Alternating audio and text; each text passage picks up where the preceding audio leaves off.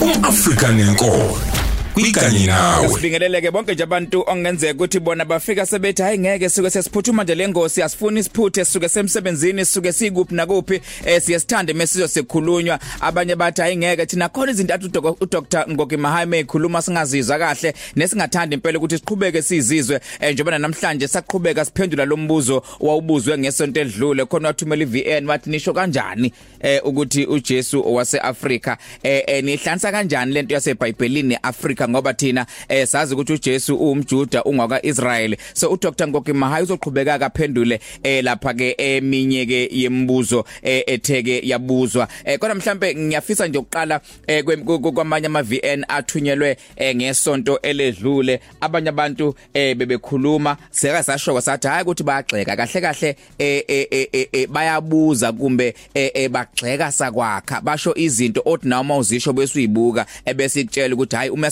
sekhuluma kanje kusho ukuthi nami ake ngiqhubeke futhi ngiqhamuke kanje ukuze kwazi ukuthi ayiqonde ngoba ayiunderstand ngoba indlela ebekade ngichaze ngayo mhlambe ube ngichaze ngendlela eh yena angakwazanga ukuthi ayibambe ngayo. Ingakho namhlanje sothi ukunyusa igiya ukuchaza ukuthi kahle kahle yena uIsrael usho ukuthini sihambe siye sifuye kuJakobe kodwa ke sizwe nje abantu abayikhulumelayo.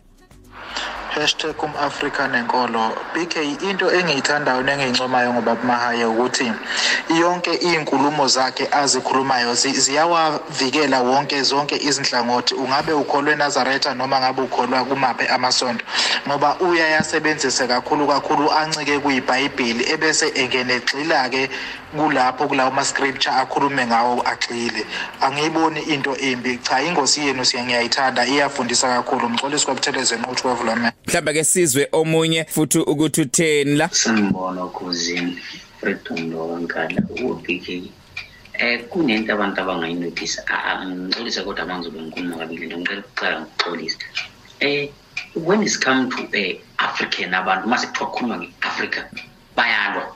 Kabi kabuhlungu angazi ukuthi why. But every time bafuna sikhulume yes ujesu angithi kuyachaza ukuthi uwaphi yonke into iclear but abafuna ukuvumela lokhu kutshelwa lolu lwazi abalitshelwa abantu abanolwazi lalo e-afrika abafunde asebekufundele bakugogodela bacwaninga bazidela for i-afrika. But bafuna ukulalela into abatshelwa yona abanye abantu ngezwe labo. Lento ibuhlungu iyahlukumeza because ubamgoke mahayo uhluba udlu bekhasini iclear nje lento uhluba udlu bekhasini ngiyabonga. Alright eh mhlamba sibambe ogcina eh ngaphambi ukuthi siqhubeke. Kanye nawe. Ngibingelele BK emkhaya wami. Umoya icebe ekhulu lo sempangene encekwane. Eh BK ngizothanda ukubonga kakhulu kubaba uNgoki Mahaye mina ke lengosi umAfrika nenkolo kade ngayilalela. Muzoyikha phezulu lengosi akulula ukuthi uyikheshe uzogcina uyithatha ngokupolitika kanti muyo kade wayilandela nje hayi ishaya khona. Uyashaya ubaba Mahaye ngifunda okuningi kule ngosi ngithi nje qhubeka baba Mahaye ufundise umAfrika ngenkolo. Thank you. Mm.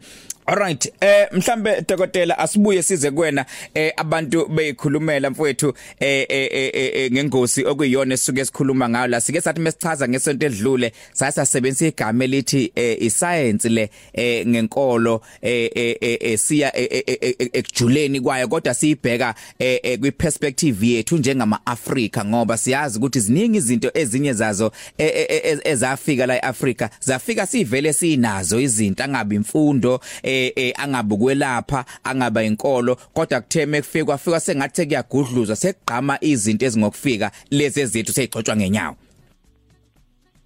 Hayi ngibingelele emacengwane angibingelele nodadewethu nomfundo umfowethu sibo eh ntambama namhlanje hayi ngiyalalela nalapha kade bephawula amacengwane nasho nje ngumshokodwa ngithi ukubonga kwami oba ngayo njalo.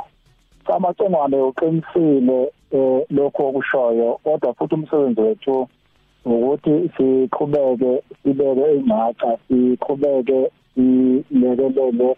Hayi ngoba nathi sinolwazi oluthini kodwa lokho uNkulunkulu wathi wasiphathisa khona sikusele kwabanye ngoba uKristu ugcizelela kakhulu ukuthi asihlole imibhalo.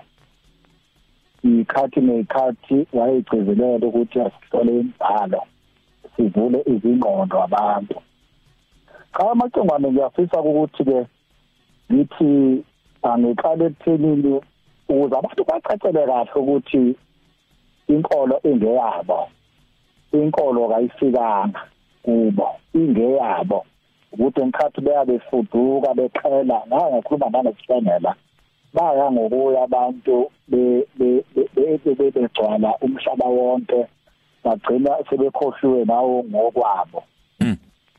Ngingenza nje isibonelo macengana kwenqale emacengwane zithi uNkulunkulu uma ebhala eBhayibheli sizobheka ukuthi uNkulunkulu eqala nje eBhayibheli yena uNkulunkulu uqobo lwakhe waye kuphi macengwane ngiyafisa ukuthi abantu mabethola ithuba bawufunde Exodus 25 uverse 21 bawuhambise bayohlanganisa noDeuteronomy 5 uverse 22 mm.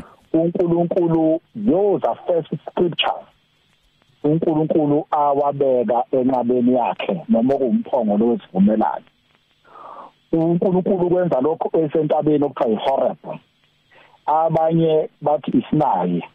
Hmm. empeleni letaba lena ngokujula uma wenza ucwaningo ujula amacebo ngalo kwakuthiwa intaba kaJehova noma intaba kaSimakade ngokweversion entsha eBhayibheli hmm. le ka2020 kanye nakudlule yo version intaba le kaSimakade ekwakuthiwa Mount YHWH eh bazokwazi abafundi eBhayibheli bajule ukuthi lokhu kusho uYahweh uYahweh uSimakade uYahweh uJehova eh kodwa le ntaba uma uyibuka kwi-east kwi-eastern side yayo intaba kwakuthiwa isinayi bese kuthi kwi-western side kaHoreb kodwa le yayintaba kaNkuluNkulu. Eh eh ikuphi le ntaba? Le ntaba ilapha na eGibhithe. Ubude bayo bu 2285 meters. Eh ama coordinates ayo u28.5394 17 enorth. Kanti east u33.9.7 5417 mm ngicizileka into amacengwana nokuthi lento abikuphi uNkulunkulu eqala nxa ukubonana akhulume umuntu ubuso nobuso yini ngiyigcizelela ingoba lento yenzeka entabeni iHoreb ikuphi intaba iHoreb iseGibhithe. Ikuphi iGibhithe iseAfrika. iGibhithe iseAfrika. Okusho ukuthi uNkulunkulu eqala ukukhuluma umuntu ubuso nobuso lento yenza eAfrika hmm. ingakho sake sakhuluma kulo msakazo ngicizelela into ethi uma uNkulunkulu edala uAdam noEva entabeni yase-Eden lentaba yase-Eden iyona lena lapha eAfrika. Mase sehlukana ke thina ngokulibulu lwethu siyazi ukuthi siqhamuka kakhulu lapha kwiPapira kwiPapira Papira River. Mm ekwakuyilongane nomnotho oxakayo kodwa ukudemarcateka noma ukuhlukahlukaniseka kweindawo ngiyakhumbula nje ukuthi uIsrael eh eh eh nje nje nje ngifeza sengizozalwa nami 1957 why under administration 1979 yabuye wabuyela uIsrael ukuba ngaphansi kweGibhithe hmm. sikubona lokhu ngoba intaba okuyiyona edume kakhulu okuthiwa yinebo. La ukwakhuphukela khona uMose uMose ephuma eGibhithe usilento siyiqalisela ukuthi iIsrael iJerusalem iGibhithe kwabe walking distance ngoba lithi iBhayibheli intaba inebo wa uNkulunkulu waholela uMose kuyo lentaba wamenza uMose wabuka izwe ababeyongena kulo elibuka ngamehlo ikhana ikhanana hmm. Kuleyo ntaba futhi uma uma sibuya sibuka ke intaba akhothemela kuyona uMose noma kunalapho ezekhetho lakhe emagqumeni akaMowabu. Izikutshele lento ukuthi njengamanje usungathi uyayilocator ibitshela ukuthi iJerusalema ilapha yana ekhona kwaIsrael wona umasipala ubizwa ngoIsrael noma ubizwa ngeJerusalem. Hmm. ngeke ngeneke ekuthenini babuye kuthiwa state of Palestine njalo njalo njalo njalo ngeke ngene lapha kakhulu. But ngifuna ukugcizelela ukuthi uIsrael uma ungaba nombuzo ukuthi uphuma phi lo Israel lo Israel esimbone ngekhathi eziningi ehamba banithi walkable distance ke ezefika khona eGibhita ngqo. Lapho okwafika sokhona uJoseph eqali abafabo abamfice sephethe eseyunduna nkulu khona hmm, hmm, kodwa hmm. ukudingiswa kaIsrael kwenzeka ngekhathi emacingwane ezehlukahlukene yakhumbula nje kwe18th century ikingdom umbuso wamaIsrayeli udingiswa 18th century before the common era ngaphambi kokuba uJesu azalwe Mm. Eh yaphinda futhi uIsrayeli bese uJuda nge-6th century waphinda futhi wayeginiseni ku-exile. Yafisa futhi ukuchaza ukuthi uhamba hamba hamba bathi abantu no uJesu wayumjuda engena uIsrayeli chabo uIsrayeli inkathi divided kabili ngoba ukudivide kaIsrayeli kabili izizwe ezinkulu nesikhathi kukhothama inkosi eh, uSolomon. Mm. Ngesikhathi kodwa manje inkosi uSolomon kwabe sekuma split awu2 ngoba khona abanye abantu hayi singamaJuda thina asona amaIsrael bathi ngamaIsrael thina asona amaJuda na? Why uthi uJesu uthi umIsrael uthi yani iBhayibheli lithi uJesu inkosi yakwaJuda na? Ba split kabili kodwa kade kuyisizwe enjani esisodwa. Sodwa. babe isesodwa bona nje befika eGibhithe bezinza lapha endaweni ethi eGoshen. eGibhithe babe isizwe sodwa kodwa futhi singakupraise ngoba siyavumelana ukuthi uAbraham owubaba wenkolo lo David masibalocator ngempilo yabo bona baseAfrika. Uma kusagida ukuthi kwenza kanjani uJesu sithi ungumAfrika na? Yingoba fanele siphinde futhi sikhumbuzane ukuthi ngenkathi izizwe zakwa-Israyeli eziyishumi nambili ziphuma kukhona abakaRuben kukhona abakaSimeon kukhona abakaLevi kukhona abakaJuda kubakhona aba-Asachar kubakhona abaZebulon kubakhona abakaJosepha uBenjamin uDani uNaphtali uGadi noAsha ibambe ekuthenini ke uJesu wayebizwa ngendodana kaDavida ngisho bekhuleka ngisho ngisho bezabuye ukuthi Jesu ndodana Indodana kaDavide kaDavide. ngihawukele Ngihawukele.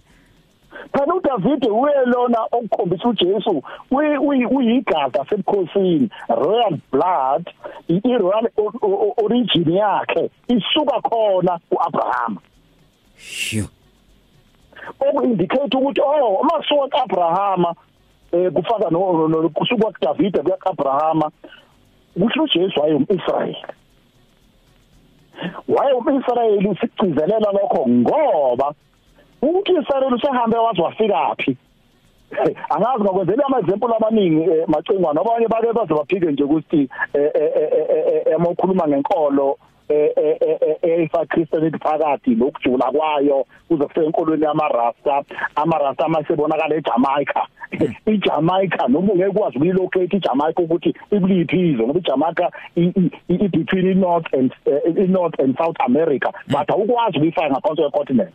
But abantu abaningi abaseJamaica inkolo iRastafarian okuyinkolo egcila kakhulu enkolweni yase-Ethiopia. But abantu wasukhuluma ngeJamaica eh, iJamaica iJamaica no iJamaica iseJamaica wasukhuluma manje ngenkolo ukuthi inkolo inkolo yamarasta Yo. yase yase Africa na? Ingoba ama Nigeria amaningi nama Ethiopians amaningi agcwele lapha eJamaica ayehambe esuka ko Nigeria esuka ko Ethiopia ehamba njengegqila aze ufike eJamaica. Athi noma eseJamaica afika iqala inkolo yabo yoburasta.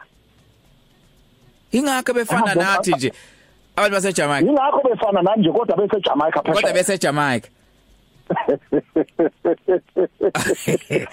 Manje masihlaziya ujulu umlando uyabona ukuthi lokuhlobana kusukaphi Abo- abona wemacongwane eh eh eh eh, eh kwengiyivale ngokuthi ngithi uma sithi uJesu umAfrika thina sikhuluma itheory asikhulumi umdlalo asikhulumi lokhu thina ukuthi sasitshela ukuthi sikhuluma ngento original. Mawufuna ukubona ke ngempela lokhu ufuna ukwavula kahle amehlo amacongwane ngiyaxolisa amacala ukugadla ngiyagada nje macengwana kodwa ngigadla kamnandi ngigadla nezwi lenkosi. Uma ungahamba ufunda incwadi yesambulo 5 verse 5 uJesu ubizwa ngengonyama kaJuda. Ngonyama akekho ngophika lokho. kaJuda. ubizwa ngengonyama Eh, kuze kunanengoma. khona abaculi ingonyama kaJuda. Eh uJesu ingonyama kaJuda ibheke ukuthi ke uma uya incwadi yesambulo uJesu eyingonyama kaJuda sithi isambulo omunye wayesethi kini kusambulo 5 verse 5 Mm. omunye wayesethi kini ungakhali bheka inqobile ingonyama isizwe sakwaJuda. Impande kaDavide ukuba ivula incwadi nezimpawu zayo ezisikhombisa impande kaDavide. Ade mina ngizwa macengwa ngizwa kahle impande kaDavide. Impande kaDavide uma wenza research ujula ukuthi ukuthi naye nokujuda kwakungama-title ayenikwa onke ama-solomonic empires amakhosi ayekade lokhu ngasikhathi sika Solomon lamakhosi atholakala eEthiopia. Ikuphi Ethiopia iseAfrica yebo ke iphiki iGibhithe udayike eAfrica uphi Israel udayike eGibhithe uthilike ngeEthiopia. Uthili ngeLibya. Ngoba wonke lamazwe ayengakehlukaniswa njengoba ngiwabala nje imihlobo njalo nje engakahlukaniswa anikezwa amagama ukuhlukanisa phakathi kwakuseyizwe lodwa. iEthiopia le kahle kahle ugama la kwangayona iEthiopia kwakuyi-Abyssinia Hmm, hmm. noJuda wangena uJuda kwakuyehuda. Hey madoda. Siyamazi futhi ukuthi uJuda uphuma kanjani. Siyakwazi ukuthi uma uthi wena Israel empela uthi Israel usho yena indodana yaseAfrika uJakobe awuyena awuthi uIsrael ke wangaphesheya ke mhlambe ngoba usuku ungakafiki kulolu lwazi esesikhuluma ngalo. Mm. kanti uIsrael ubani? uIsrael uyena uthi uye- uye- uyena uJakobe. Mm, mm. uJakobe usuka ude kuAbraham. uAbraham eh owaganwa. Intokazi yaseEthiopia. Owagana intokazi zase-Ethiopia ewum-Afrika ngoba naye futhi ewum-Afrika uHagar and uHagar and lesi sethembiso sikaNkuluNkulu sezwe elineyinyosi enayo yonke into eh, abawuvele badle nje bengalimanga bengenza kahle kuchaza kanjalo eBhayibheli ama ulifunda mm mm. yayi kade ithenjiswe ubaba kwamakholwa okuAbraham. Ay dokotela angazi i- ebesethi ebesethi ngimnyama kodwa ngimuhle. Ngimnyama kodwa ngimuhle. Ngimnyama kodwa ngimuhle ngumAfrika eAfrika. Dokotela mhlambe angazi eh eh, eh siyozwa ngabe abalaleli ngoba siyaba siyabagqugquzela ukuthi bekhulume nathi enkundleni zokuxhumana siyabagqugquzela ukuthi bekhulume nathi kanjalo eh na WhatsApp esithumelele bebuza imibuzo ngoba inhloso ukukhanyiseleka eh siyabonga kakhulu ngalolu ngalolu lwazi o- o- osusuli osiphe lona. Engicabanga ukuthi nokudideka obakade kukhona nemibuzo eh, ebekade ikhona eh, iyaphenduleka ukuthi sihlobana kanjani thina ngama Israel ngoba sengithi nje ama Israel neAfrica into eyodwa ngendlela oyichaza ngayo. So ku- ku- kuningi kakhulu sesikufundile njengoba sikhulume siye sifike kuyena uAbraham onguyise wamakholo abesethi bese ebesethi eh, umprofeti wama-Afrika athi wasibuyisela kuye ukuba sibuyele sibe ngabantwana bakhe njengoba sasingabantwana bakhe kakade. Ngoku-andalana lo kakade wasibuyisela kuye ukuba sibe ngabantwana bakhe ngoba sasingabantwana bakhe kakade. Thina sasingabantwana bakaNkulunkulu kwakade. Asikawubelwa thina. Sasingabantwana bakaNkulunkulu kwakade kwasekudalweni sasingabantwana bakaNkulunkulu. uNkulunkulu waqala ukukhuluma nathi uma ekhuluma noMose. uMose uwulibo lwamakhosi ohlanga. Lithi iBhayibheli umbuso nombuso wamakhosi. Kufanele siwahloniphe amakhosi ngoba abekwe uNkulunkulu. Uma ngawahlonipha amakhosi uhlukanile noNkulunkulu. Yabonga baba. Papa man ma Africa Sebefuna kuniphuca ubukhosi baphakade. Dr. Mgogi wezinhlanya bekade sinaye namhlanje kwingosi umAfrika nenkolo nesithemba ukuthi ucoshwa okuningi entweni athe wayikhuluma. Eh okwethu ukufukula abantu ngolwazi. Siqhubeka ke usilandele uye nakuma podcast ethu uyizwele izinkulumo ezifana nalezi ngoba zikhona eh moya kuma podcast uzwe ukuthi iziphi izinto esuke siyiphethe. Mesithi umAfrika nenkolo. umAfrika nenkolo kwikanye nawe.